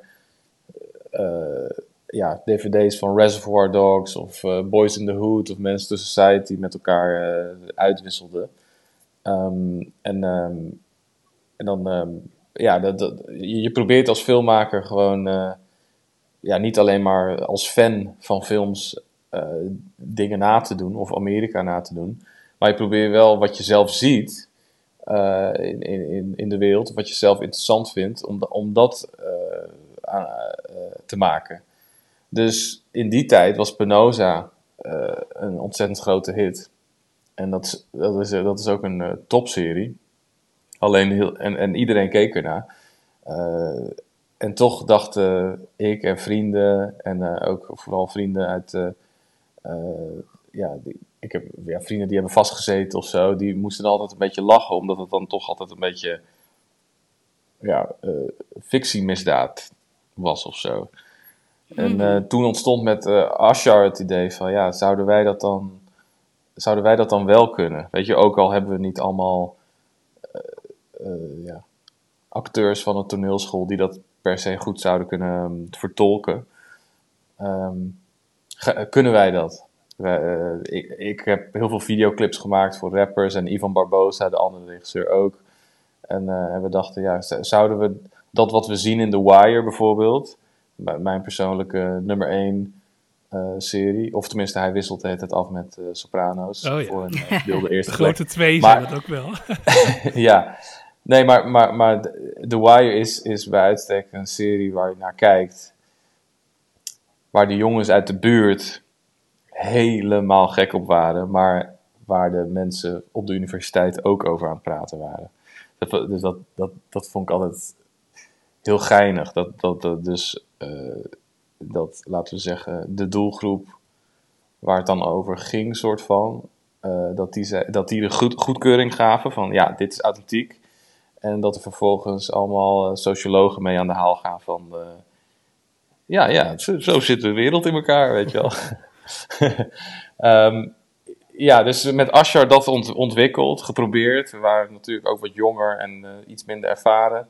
En, en, en eerst was het meer een soort comedy-serie ook.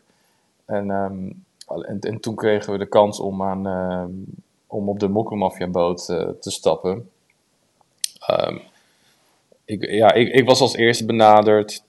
Toen kwam Oscar van Woensel, Ashar Medina, Bobby Boermans. Die gingen de opening doen. En toen, eh, ja, de rest is, is, is een beetje history. Ik bedoel, dat is een... Ja, het was in ieder geval de eerste keer dat dingen ongecensureerd op, op eh, televisie konden. Dus alles wat HBO altijd deed als het gaat over eh, expliciete seksscènes of eh, geweld. Niet dat het exploitation is of zo, alleen gewoon dat, dat er geen brave deken overheen lag waar, waar Mhm. adverteerders goedkeuring Ja. aan moesten geven. Dat kon opeens. En, ehm, en, en, en volgens mij is het ook wel terecht als ze zeggen dat Mokkelmafia dat wel een deuk eh, heeft geslagen in, eh, in Syrië Nederland. Dus Ja, zeker. een, een, een, een, een, lang, eh, een heel lang an- antwoord op je, op je vraag. En wat is het precies wat jullie hiermee willen zeggen? Want je kunt ook, ik, ik ben, ik, dat heb je dan ook gehoord, ik ben niet echt een eh, ehm, kijker van Nederlandse series. Dat komt ook omdat ik er eigenlijk nooit over schrijf. Het wordt me nooit gevraagd, het is niet mijn specialiteit. Maar ik heb ook altijd een beetje moeite met Nederlandse series, omdat ik me daar niet zo goed in kan verliezen. Eh, compliment meteen voor jou, want dat had ik bij Santos wel. Omdat het er, ik vond het er ook zo mooi uitzien. Ehm, zijn dat allemaal, dus je wilde ermee bereiken dat het eigenlijk The Wire kon benaderen? Dat het iets was wat zowel eh, jij en je vrienden herkenden als de meer VPRO-kijkende mens, zal ik maar zeggen. Klopt dat? Ja, en, ik denk dat het, dat het gewoon te maken heeft met, eh, we zijn een klein land. Dus eh, wordt, en, en zo kijk ik niet naar film of tv-series of zo. Alleen je, je komt gewoon in een land met een, met een, ehm, met een bepaalde doelgroep die gehit kan worden. En de doelgroep die, die, die je kan raken als het gaat om bioscoopfilms of tv-series, die het allergrootst is. Of het nou in de Randstad is of eh, in de provincie, of het nou eh, leeftijd is. Dat is toch meestal een soort eh romcom-achtige, eh, gezellige films.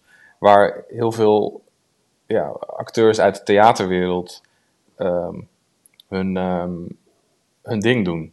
Zeg maar. Het, dat, dat is gewoon de traditie in Nederland. Dus dat zie je ook aan eh, het Nederlands Filmfestival. Of aan, eh, ja, I don't know, de films waar soapsterren in, in zitten. Dat is basically ons, ons, ons ding. En als het gaat om arthouse films of wat experimentele series, dan zie je ook meteen dat het een worsteling is om de, om de kijker te bereiken. Ehm,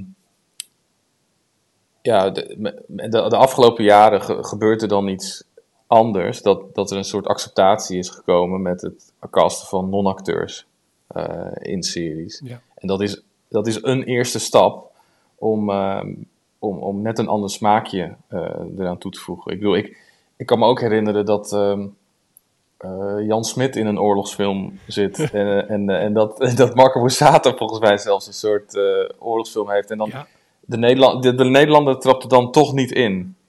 Die, die gaat er dan toch niet naartoe. Alleen een soort tussenvorm waarin ze het idee hebben van ja, hier zit een bepaalde oprechtheid in. Dat, eh, dat, dat begint nu volgens mij eh, te komen. ja. Ja. met Marco Borsato, Wit Licht heette die geloof ik. Dat was ook met een heel Dat hij volgens mij kinderen ging redden ergens in het buitenland. Dat klonk.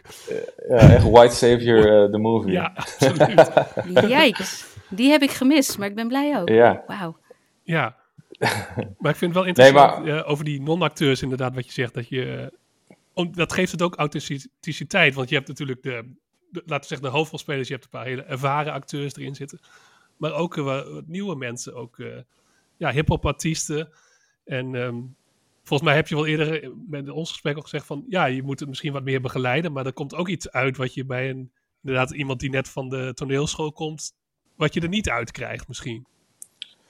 Ja, het, het is heel bizar. Soms is iemand die geen opleiding heeft uh, minder zenuwachtig, omdat hij, het, het, het, boeit diegene niet zoveel. Maar, maar, maar een acteur die zijn hele leven uh,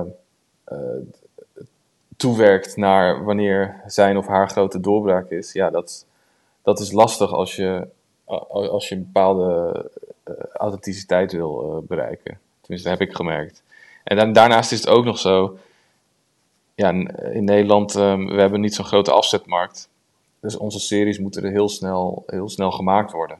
Dat is bijna, uh, in het buitenland vinden ze dit een soort soap uh, tempo. Oh ja. Dat je, je, je ramt, iedereen krijgt gewoon één of twee takes en, uh, en dan ga je door. Hoe, hoe lang hebben jullie hierover gedaan? Vijf maanden. Vijf maanden, ja dat Vijf is niet maanden, lang. zoiets. Van, van Ja. begin tot eind. Ja, maar dan moet ik ook wel zeggen, vier dagen per week draaien. We, gingen, we waren ook aan het herschrijven tijdens uh, het draaien en, uh, en uh, ja, het, het, het, het, maken van een, ensemble, een serie met een ensemblecast. Te, terwijl mensen ook theater in moeten, bijvoorbeeld Romana. Dat is nogal een militaire operatie. Um, maar Mokromafia hebben we bijvoorbeeld in vier maanden erop geknald. Mm. Um, ja, dat, dat is meestal uh, uh, wat, wat normaal gesproken uh, gedaan wordt. Alleen NPO investeert de laatste paar jaren heel erg in high-end series. Dus je hebt Anoniem en de Stamhouder en de Droom van de Jeugd Ja. en, en, en Lampje. En ja, ik weet niet. Ik denk dat dat. Ik denk, ik denk dat tv-series altijd een ander tempo zullen helpen dan, hebben dan films. alleen, alleen je moet een soort middenweg zien te vinden om die, die kwaliteit waar de kijker aan gewend is. Uh, of het nou uh, Engeland is of, of meestal Amerika natuurlijk. Dat je die wel weet te raken. maar goed. Hoe doe je dat? Ja, ik denk. Ik denk vooral niet doen wat, wat niet kan. Dus draken of zo, of dinosaurussen, dat, ja, dat zou ik echt graag willen. Alleen dat moeten we dan toch uh, uit ons hoofd zetten. En, mm -hmm. um, en ja, dat, dat, dat geldt ook wel voor, uh, voor actiesequenties. Een, een, goede actiesequentie, een goede achtervolging, die wordt uh, in het buitenland meestal door een, een, second unit gemaakt. Dus een andere filmploeg. Die alle shots waar de acteurs niet in zitten, dus van auto's of, of wat dan ook, of van generieke henchmen die aan het schieten zijn. Dat wordt allemaal door een andere ploeg gedraaid. En dat doen ze gewoon een, een week of twee weken over. Um, in, in, in Santos zit een uh, schietpartij in de zesde aflevering. Ja, ik weet niet. Dat, dat hebben we volgens mij dat hebben we in één dag moeten doen. Oh, wow. Twee camera's. Ja, ja, dat was echt... Dat is wel echt pittig. Het, voel, het, het voelde als de bestorming van Normandië in uh, Saving Private Ryan. Maar, maar we zijn er ongeschonden uitgekomen. We leven nog. Nee, ik zag het er niet aan af. Dat het, uh, het zag er goed uit, uh, die scène. Ja. ja. Plannen. Plannen, dat is, ja. Ja, plannen, shotlist. Ja. Uh, en, en, en, en niet altijd gaat het goed. Soms, ja, het, het, maken van Nederlandse series is ook geen glamour. Soms moeten er dingen veranderd worden en of, of zijn scripts nog niet af. Dat hoor je ook heel vaak. Ja.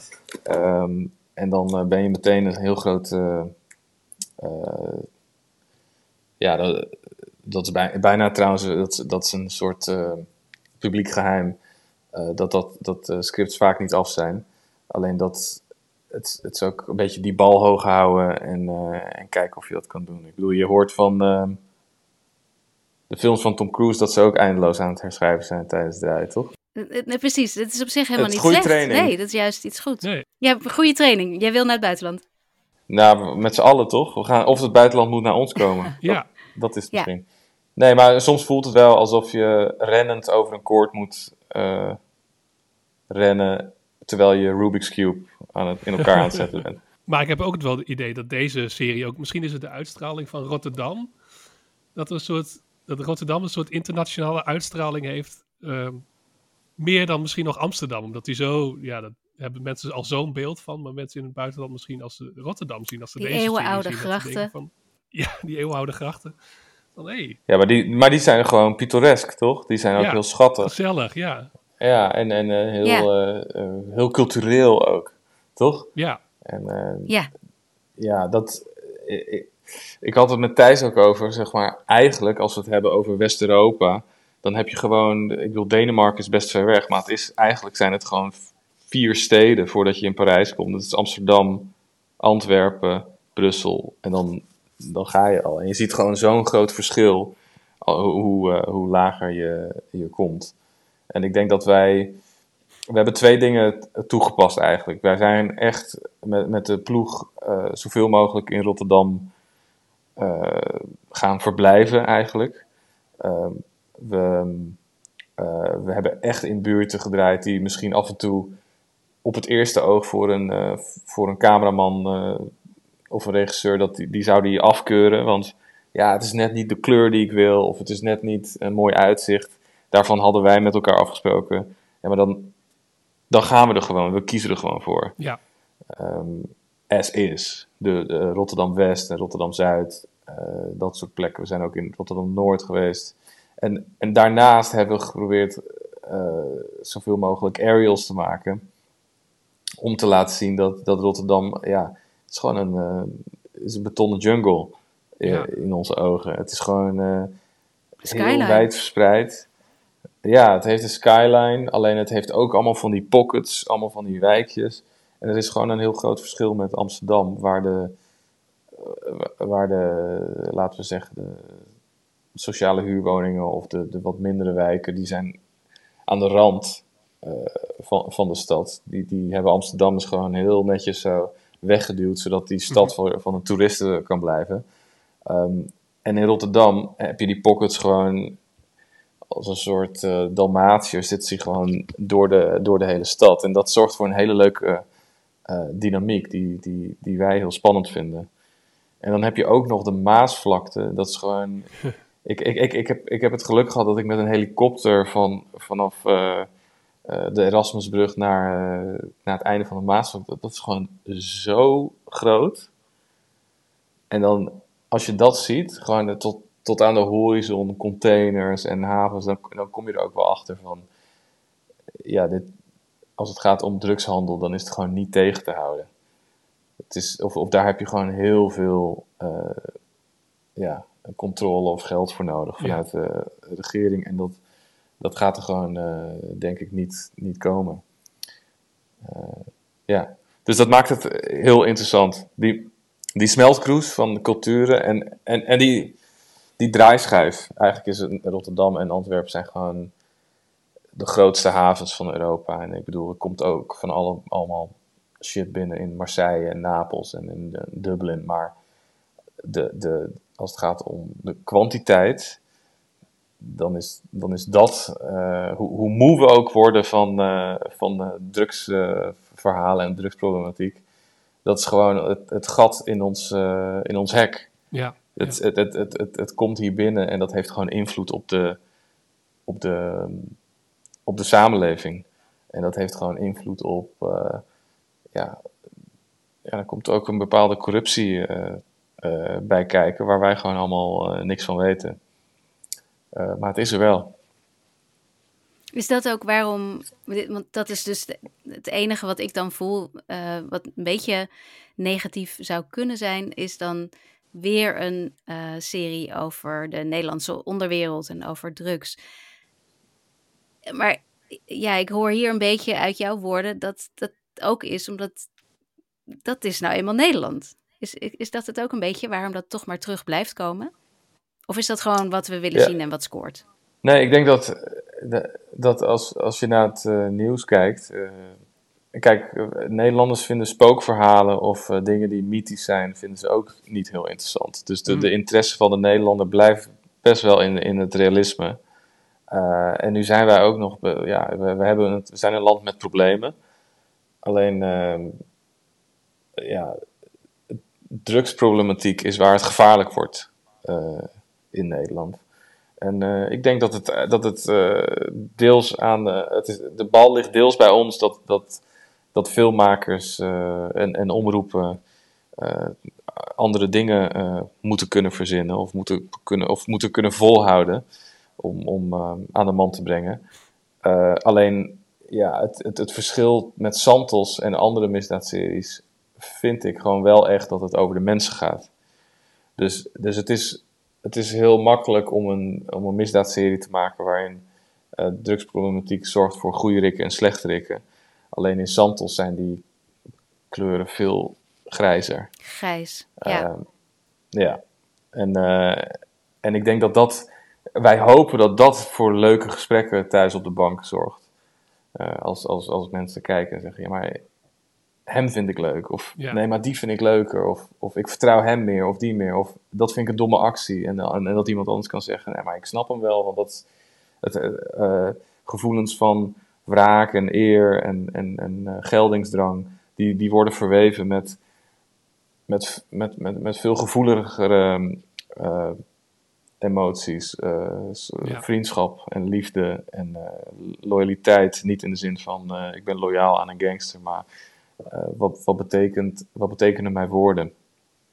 En wat betekenen mijn daden? ja, snap je? Dus, dus, wij, dus wij hopen wel dat, als, uh, dat mensen dat verschil uh, natuurlijk voelen en zien of opmerken. Ik heb het gevoel dat het wel zo is ook van de mensen die. ik heb zelfs. ben nog een keer begonnen samen met mijn vriendin ook, die meekijkt. En ook bijvoorbeeld de familielijn. Ook van het gaat ook over nou, eigenlijk een misdaadfamilie natuurlijk. Met uh, uh, een soort, ja, een, een, collega zei godmother uh, bovenaan. en zij is aan het ene moment is ze super warm, in het andere moment ijskoud en alles ertussenin. En meedogenloos. En dat, dat daar ook een soort laag zit van waar zit nou inderdaad de loyaliteit en wat voor gevoel heb je erbij. En je kunt wel makkelijk zeggen, ja, maar ik snap helemaal niet waarom hoofdpersoon Glenn, waarom die ja, die lijkt de, de goede kant op te gaan, omdat hij in een sterrenrestaurant uh, aan de slag kan. En waarom die dan toch nog een klus moet doen uh, samen met nou, zijn beste vriend, die nog wel in de, uh, laten we zeggen, aan de verkeerde kant zit, qua criminaliteit. En ik denk dat dat die worsteling er wel, wel goed in zit. Volgens mij had je het ook over van, ja, over het respect wat hij dan niet in de keuken heeft, maar dat hij misschien wel in zijn oude baantje als drugsrunner heeft. Ja, en, en, en, als nuchtere Nederlanders kunnen we snel zeggen van ja, wat, respect, respect, uh, heb je dat nou nodig? Alleen ik denk dat, uh, dat waardigheid ja. een, uh, een, een, beter woord is. Dus um, je wil, ik denk dat iedereen wel eens het gevoel heeft als hij s ochtends opstaat om naar zijn werk te gaan. Oh my god, daar ga ik weer. Ik werk dus voor iemand die mij gewoon compleet aan het uitwonen is. En ja, die gesprekken heb ik, heb ik ook wel eens met vrienden gehad die, die, hele andere, uh, die in een hele andere tak van sport zitten. En die moeten dan altijd een beetje lachen van ja, ja, uh, ja, jullie verspillen jullie leven, want jullie zijn niet vrij. Jullie moeten, uh, hoe zeg je dat, doen wat er gezegd wordt. En, en ja, daar zit natuurlijk ook een waarheid in, zeg maar. Is dat dan pak je dan het leven bij de lurven. Daar, daar, daar zijn de meningen over verdeeld. Over het leven bij de lurven pakken. Uh, jij hebt gewoon een serie gemaakt voor de NPO. Is nu een kleine week uit. Er zijn nog geen cijfers, vertelde je voordat we gingen opnemen. Luistercijfers komen laat tegenwoordig. Oh, luister, kijkcijfers. maar heb je al enige... Kun je iets zeggen over hoe het... Ja, sorry. Kun je iets zeggen over hoe het ontvangen is? Nou, wij gaan nu. Uh, ja, nou, de, de ontvangst van, op, de, op het filmfestival was natuurlijk heel uh, was verrassend. Dat we werden beloond met een gouden kalf. En ehm, er zijn een aantal recensies die gewoon die, die zien dat we, dat, dat we iets fris proberen eh, te maken.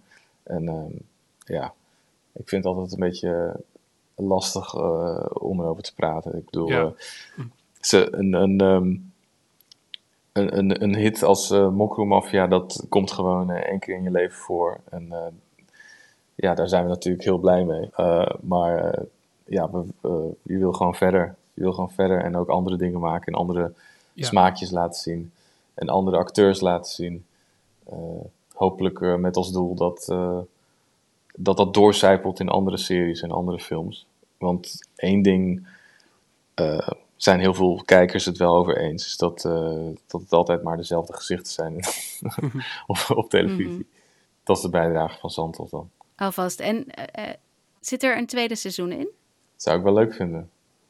Zou ik zeker wel leuk vinden. Wij, of, of wij, wij hebben stiekem wel allemaal verhaallijnen klaar liggen. Alleen eh, het, het, het is nu aan, aan, aan het publiek. Of het publiek het leuk vindt. Ja, dat lijkt me altijd wel, wel spannend. Dat dan het. eh, ja, het is de wereld in en dan moet, moet iemand ergens beslissen van. eh, en tegenwoordig gaat het dan toch deels door cijfers. Ik denk dat eh, de, de positieve ontvangst al goed helpt. Dat zeg maar door de recensenten en de, en de prijs. Maar nu. Maar ook mensen op straat hoor. Mensen, Ah ja, al- die acteurs die krijgen allemaal berichten en oh, DM's. tof. En, en, en ook, ook een publiek wat normaal niet naar NPO kijkt. Of, je had eh, vorig jaar een, een mooie serie die heette See Hem. Ja, Eh, en en, en die, die zorgde ook weer voor een soort rare kruisverstuiving. Ehm, ja, ik vind het allemaal eh, leuk. Ik vind het allemaal spannend dat dat gebeurt. dat was wel tof met die serie. Ja, want ik weet nog dat hij op ouderwetse tv scoorde die medium. Maar toen opeens bleek dat het, het publiek en de doelgroep van die serie, die zat online. En toen opeens explodeerde dat van, hé, hey, er kijken heel veel mensen naar. Dus, dat is wel het effect wat je wil natuurlijk. Ja, dat gesprek is natuurlijk al een paar jaar gaande. Alleen, eh, ja, het zit nu gewoon in de mensen dat ze gewoon niet eerder eh, ergens vertrekken om op tijd thuis te zijn om die serie te gaan kijken. Want je kan hem met een druk op de knop gewoon terugkijken. Dus die, ja, dat is gewoon weg. Dat is gewoon weg. En er zijn ook heel veel mensen die zeggen, ja, eh, normale kabeltelevisie, ja, ik heb dat afgezegd. Want Ja. ik heb eh, Netflix of ik heb HBO. Dus, dus er is gewoon, eh, de, de, de, de, film en televisie is ontzettend aan het veranderen. Misschien wel zoals muziek eh, dat 15 jaar geleden had, toen, eh, toen Napster eh, de boel ontregelde. En, ehm, en eh, ja, Netflix is, is natuurlijk of de grote ontregelaar. Ehm, maar, maar ja, we- jullie hebben het er ook vaak over in de podcast, hoe, hoe dat dan weer gecourse correct wordt en eh, wat dat doet met Ja, de de kwaliteit. correctie. en, eh, Hey, en als je dan terugdenkt aan, aan series waar, je, waar iedereen inderdaad op tijd voor thuis kwam vroeger toen dat nog moest. Wat was een serie waar jij vroeger altijd voor thuis bleef? Of zorgde dat je op tijd terug was? Nou, toen, toen ik in mijn tienertijd eh, was, toen waren we gewoon al illegaal aan het downloaden. Dus toen was het gewoon elke week Lost eh, of Sopranos eh, naar binnen eh, halen. Ehm, en ja, ik, ik had het volgens mij met Thijs ook over van... Ja, Sopranos, dat was dus aangekocht door NPO in Ja. het begin. En, dat, en dat, dat hebben ze toen gewoon heel laat eh, een beetje weggezet. Terwijl de, de, de, hele wereld daar eh, verzot op is. Ja, dat, ja. Soms, soms gaan die dingen nou eenmaal zo. Nee, Lost eh, eh, vond ik vet en wat nog meer. Waar blijf je nu voor thuis? Welke, welke klik je nu altijd aan? Ik ben nu heel erg van de, de comedy series. Dus je hebt een serie die heet Dave. Over, over Ja. een, een Joodse rapper. Die vind ik heel grappig. Ehm, even kijken. Ik vind Barry, ben ik eh, stiekem Ja. wel heel erg fan van. Fantastisch. Het is Ja. geen comedy meer, hè? Het, was wel heel tragisch. En ehm, even kijken.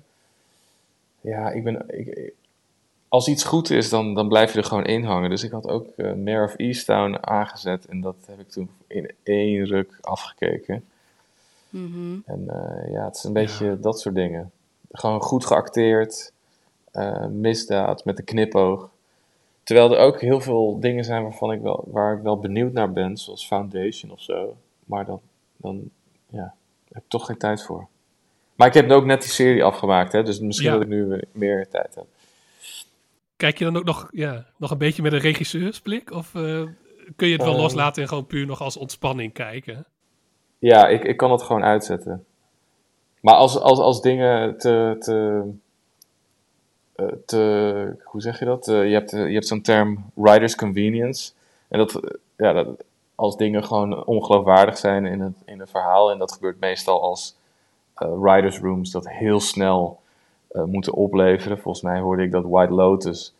eh, dat wordt gewoon in drie maanden op papier gezet. Dus daar, zitten gewoon, Ja. daar moet je gewoon hele slimme mensen hebben aan, aan het hoofd. Om, om dat in goede banen maar te één. leiden. Er is er maar één die het allemaal schrijft. Echt? Ja. White Lotus is de, Ja. de uitzondering. Ja, dat is, is eentje, jeetje, ja. Oh, Ja. Dan kan ik wel stoppen. Zie je? Dit bedoel ik. Want hoe zit het? Dus Nee, jij maar- bent regisseur, bedenker. Maar we hebben in Nederland niet echt showrunners, hè? Want dit is de showrunner van White Lotus waar we het dan over hebben. En die schrijft het ook. Hoe werkt het in Nederland? Ja, je hebt wel, je hebt wel een aantal eh, mensen die daar gewoon heel goed in zijn. Eh, volgens mij eh, Frank Ketelaar van eh Clem, die, eh, die kan in zijn eentje gewoon allemaal seizoenen eruit eh, persen. Hm. Eh, en dan heb je nog Willem Bos, die nu een Disney-serie gaat doen. Dus, dus er zijn wel schrijvers die, eh, die daar steeds beter in worden, met alle respect. Maar ik denk dat wij gewoon meer een filmcultuur hebben. Dus wij hebben of een tv-soapcultuur of een filmcultuur. Dus wat er nu gebeurt is dat heel veel filmmakers tv-series gaan maken. En eh, dat is gewoon een ander beest. Dat is gewoon een heel ander ding. Ik heb, eh, ja, toevallig had ik vorige week zat ik weer in een workshop. Eh, mocht ik les krijgen van, van, van makers van Game of Thrones en Narcos. En dan weet je gewoon van, nou, we komen er wel in Nederland, alleen we hebben nog, we hebben nog wel een hoop te leren. Van de regisseurs van Narcos en Game of of me- Thrones? eigenlijk Of de- schrijvers, schrijvers meer. Dus Benioff en Wise. Ja, dan moet, ik- sorry, dan moet ik dat, dat weer even gaan opzoeken. Maar het was een, een, een of andere Ted, heet hij. Shit, ik hoop niet dat hij luistert. Nee, hele, Maar, eh, hele slimme oké. man. Niet Ted Lasso, gelukkig, hoop ik. Nee, precies. Of Ted Oh, nee, Sarandos van Netflix. Oh, god, ja. Big Ted. Ik, eh, ik ga hierop terugkomen. Kunnen wat we nog cool, in de show dat klinkt, notes eh, eh, zetten. Hoe kwam, eh, hoe kwam dat zo? Nou, je, je hebt een festival over series. Dat heet Series Mania. Dat is het grootste seriefestival van de wereld. Een leeuw. Ik was er dit jaar. Ja. Ja, nee. En, en gaan jullie daar ook een podcast opnemen? Dat lijkt me een heel goed plan. doen eigenlijk. Ja. Toch? Ja. Ja. En, ehm, Goed en- idee. En, die hebben dus ook allemaal programma's. En die hebben allemaal dingen waar je je voor kan aanmelden. Eh, dus toen hebben uh, Meike de Jong en Jan Eilander, twee eh, fantastische filmmakers, en ik hadden een concept bedacht. Eh, en we dachten, ja, op hoop van zegen, we gaan hem indienen. En toen, toen zijn we geselecteerd. Dus toen eh, zat, ik, zat ik vorige week met ze gewoon ehm, ja, de hele week achter de computer. eh, kreeg ik gewoon weer les, gewoon weer college. Gewoon weer eh, cool. beter worden, ja. En om iets te maken voor Leuk, toch? Ja, om, om daar de serie door te ontwikkelen. En dan, ehm, en dan al die kandidaten, ja, dan, dan krijg je... eh, je wordt heel goed begeleid en dan krijg je natuurlijk ook een keurstempel. En die, ja, dat, dat, ik weet niet of, of luisteraars dat interessant vinden, maar die hele tv-serie Markt, dat is gewoon gigantisch in het buitenland. En, dat, en, Mhm. en, en er wordt nu al besloten wat er over, over drie, vier jaar eh, gemaakt wordt. En, ehm, en, en daar valt gewoon heel veel te leren om. eh, ik denk dat, dat Nederland ook wel klaar is om, om, om internationale co-producties te doen. Je hebt natuurlijk wel eh, Arcadia en Undercover, dat, die, hebben, die hebben een soort Nederland-België-achtig ding. Ja. Maar dat is nog redelijk veilig, België. Redelijk binnen wat we kennen, toch? Ja. Ja, en, en, maar het zou leuk zijn als we echt eh, een internationaal opgezet, dat we, dat we daaraan mee kunnen doen. En ik, denk, ik Ja. heb het idee dat de Nederlandse producenten daar heel erg mee bezig zijn. En dat is alleen maar leuk voor Ja, de kijkers in Nederland, toch? zeker. De NPO, geloof ik ook, is daar wel in het eh, investeren daarin. Met, met Duitsland, Frankrijk, geloof ik. eh, sowieso volgens mij ook de, de Europese samenwerkingen, uh, mede door Netflix, misschien ook de Netflix-revolutie, dat men denkt we moeten een soort uh, front. samen een front vormen tegen, tegen Netflix of naast Netflix. Uh, nou, maar het is wel leuk, want, ja. want, want, want, uh, want de belangen van een Netflix of een Prime, die zijn natuurlijk wel anders dan van een publieke omroep. Terwijl publieke omroepen in Nederland, Duitsland, Frankrijk en Scandinavië, die hebben natuurlijk ook jarenlang ervaring. Ehm, en ja, wat, wat, gaat daar, wat gaat daar uitkomen als, als, als, uh, als we in die hoedanigheid gaan samenwerken? Ik vind het spannend. Ja. Leuk, en jij bent alvast begonnen? Of uh, ik, ik, neem een, ik, ik, ik, kijk door het kiertje van de deur. Maar, maar in Nederland is het veel te leuk hoor. Ja? Ja, als, als, als, als, als Santos zo, uh, zo, zo goed ontvangen wordt, dan, ja, dan, dan is het wel leuk. En wat gaat er dan gebeuren? Wat voor deuren gaan er dan open? Uh, in Nederland? Ja, misschien -hmm. dat we met AI-technologie dan toch eindelijk wat draken en dinosaurussen kunnen, kunnen toveren. En dan, uh, en dan komt mijn grote droom uit. Oh, iets met tovenaars en dinosaurussen. Nee, uh, ik, ik, ik, weet het niet. Ik, we, we, we, moeten gewoon spannende, leuke dingen blijven maken. Ja, ik vind tovenaars en dinosaurussen wel heel spannend hoor. Mooie combinatie. Ja, ja maar er wordt hier ook vaak uh, wel eens gedacht, hè? hou het klein. Hou het dicht bij jezelf. Dat is altijd een goede les. Als je budget, uh, budgetproblemen hebt. Budgetproblemen. Ja. Dat is ook wel een beetje Nederlands misschien, toch? Niet te gek, niet te wild, niet te ambitieus. Ja, als het gaat om genre, dan, uh, dan lijkt Nederland soms wel eens net te klein voor uh, magische dingen of uh, mythische dingen. Met, met Ares hadden jullie wel ook uh, ja, psychologische horrorserie. Dat was wel echt ook een, uh, een poging om echt iets anders te doen. En dan krijg je toch ook wel reacties van, volgens mij, ja, ik zag, ik vond het, vond het heel tof gedaan.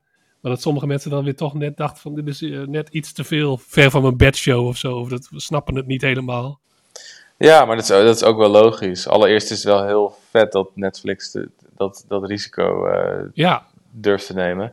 En anderzijds, uh, ja, het, het, is ook niet erg dat een Nederlandse kijker denkt van, ja, maar ik, ik kijk naar Game of Thrones. En dat is echt, ja. uh, dan krijg ik wel alles wat ik wil. Ja. dus, maar, maar het, het is wel leuk hoor. bijvoorbeeld die Duitse serie Dark dat is toch wel bijzonder. Dat, dat zijn gewoon projecten die niet, die niet gangbaar zijn. En, uh, en, en ja, ik, vond, ik, dat, ik vind het wel tof als, als ik zie dat bijvoorbeeld mijn familie komt uit Colombia, dat ik daar zie dat ze daar gewoon alle series uh, over de hele wereld kijken, omdat ze toch alles uh, gedubt zien. Hoe zeg je dat? Nagesynchroniseerd. Ja, ja, ja. ja. Ja, ik hoorde bij Ares ook wel dat de, ook de acteurs, dat die nog heel, en jij geloof ik ook, nog heel lang dat er reacties komen. Dat er iemand in Zuid-Amerika zit, van, via Instagram of in Mexico of in waar dan ook, Zuid-Korea. Ja. Dat, uh... ja, ja, de mensen die, die van psychologische horror houden. Of uh, er, er, zat natuurlijk ook een soort Illuminati-achtige ja. vibe in. Die, ja, we krijgen nog steeds reacties daarover. Dus dat is, dat is wel leuk. Uh, ja, alleen uh, wij moeten het nu nog even doen met misdaad en uh, romcoms. Ja. Misdaad en romcoms, ja, of oververmoeide ouders. Dat vind ik ook een genre ja, in precies. Nederland. Oh ja. of kinderen die niet luisteren. Oh ja. Ja, ja. Pu puberende kinderen die niet luisteren. Ja, in een ziekenhuis ook nog, ja.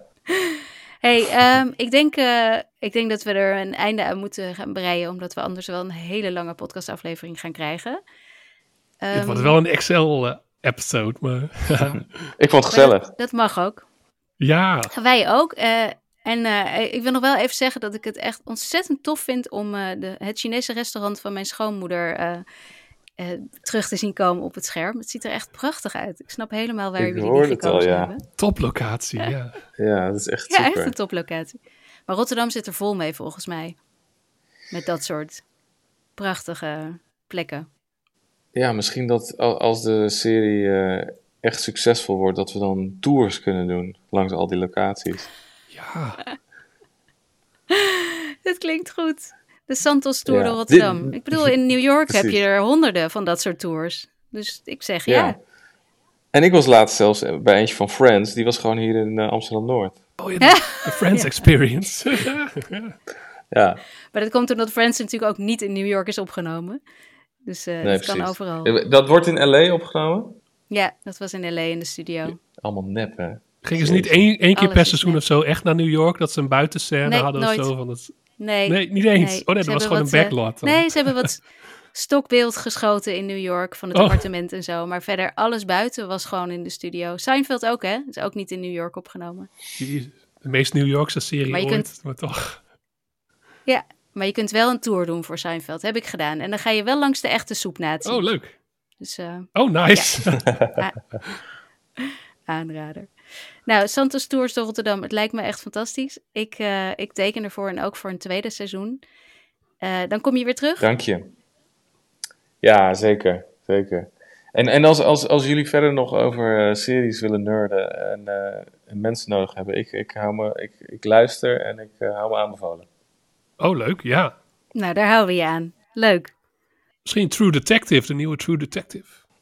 Oh ja. Ik, eh, Ook een mee. Nou, we gaan iets verzinnen. Ehm, ik ga nu wel even afsluiten. eh, en dan wil ik nog even zeggen dat eh, Santos nu helemaal te kijken is via NPO Plus. Heb ik hem goed, Thijs? Is het Plus? NPO Plus, ja. Ook NPO Start, maar dan moet je gewoon... Yes. Komt er wekelijks eentje bij, Dan geloof moet ik. je Dus weken- gewoon, ja. NPO Plus is nog heel cheap, dus gewoon, die moet je wel doen. Gewoon via NPO Start. Allemaal te zien. eh, Santos. En eh, nou, dankjewel. Giancarlo. En tot snel dan. Jullie bedankt. Tot snel. Dankjewel hè. Joe. En dat was ons interview met Giancarlo Sanchez, de regisseur van Santos. Er is mij nu alleen nog maar het vaste riedeltje, eh, namelijk om te zeggen dat jullie ons kunnen steunen, deze podcast kunnen steunen, door lid te worden van Patreon. Link staat in de show notes. Ehm, je steunt ons financieel bij het eh, maken van deze podcast en daar krijg je ook iets voor terug, namelijk eh, speciale afleveringen van de Teletijdmachine, waarin we een duik in de televisiegeschiedenis nemen. We hebben al The OC, we hebben al eh Band of Brothers gedaan, natuurlijk The Simpsons. En daar volgt heel, heel snel meer. Ik beloof het. We waren even een beetje ziek en druk, dus er, het is er even niet van gekomen. Maar het komt eraan. Verder hebben we ook eh, uiteraard een Twitter, een Blue Sky en een Instagram. Volg ons via skipintro.nl. Je kunt ons ook mailen. ehm, dat mailadres is podcastskipintro.gmail.com. Laat ons vooral weten wat je vindt van de podcast of van series of eh, van ons interview met Giancarlo. Kom maar door. Ook heel leuk, dat willen we heel graag, is een, eh, een archiefkast. Dus als jij een serie wilt tippen, laat een voiceberichtje achter. En eh, dat kunnen we dan meenemen in de volgende afleveringen. Dat zou heel tof zijn. Je kunt ook lid worden van, van onze Facebookgroep. De link staat in, eh, ook al in de show notes. Verder hebben we nieuwsbrieven. Thijs, de popcultuurbrief komt volgende week, nee, deze donderdag alweer uit. Mijn nieuwsbrief I Like to Watch, ze lopen niet meer gelijk, komt volgende week weer uit. Ook al link in de show notes. Ehm, en verder denk ik dat we er dan wel een heel klein beetje zijn. Eh, ik zou zeggen, laat vooral aan iedereen weten dat je naar ons luistert. Laat goede recensies achter. Geef ons sterren, duimpjes omhoog en dat soort dingen. En dan, eh, dan zeg ik tot volgende week. Tot volgende week.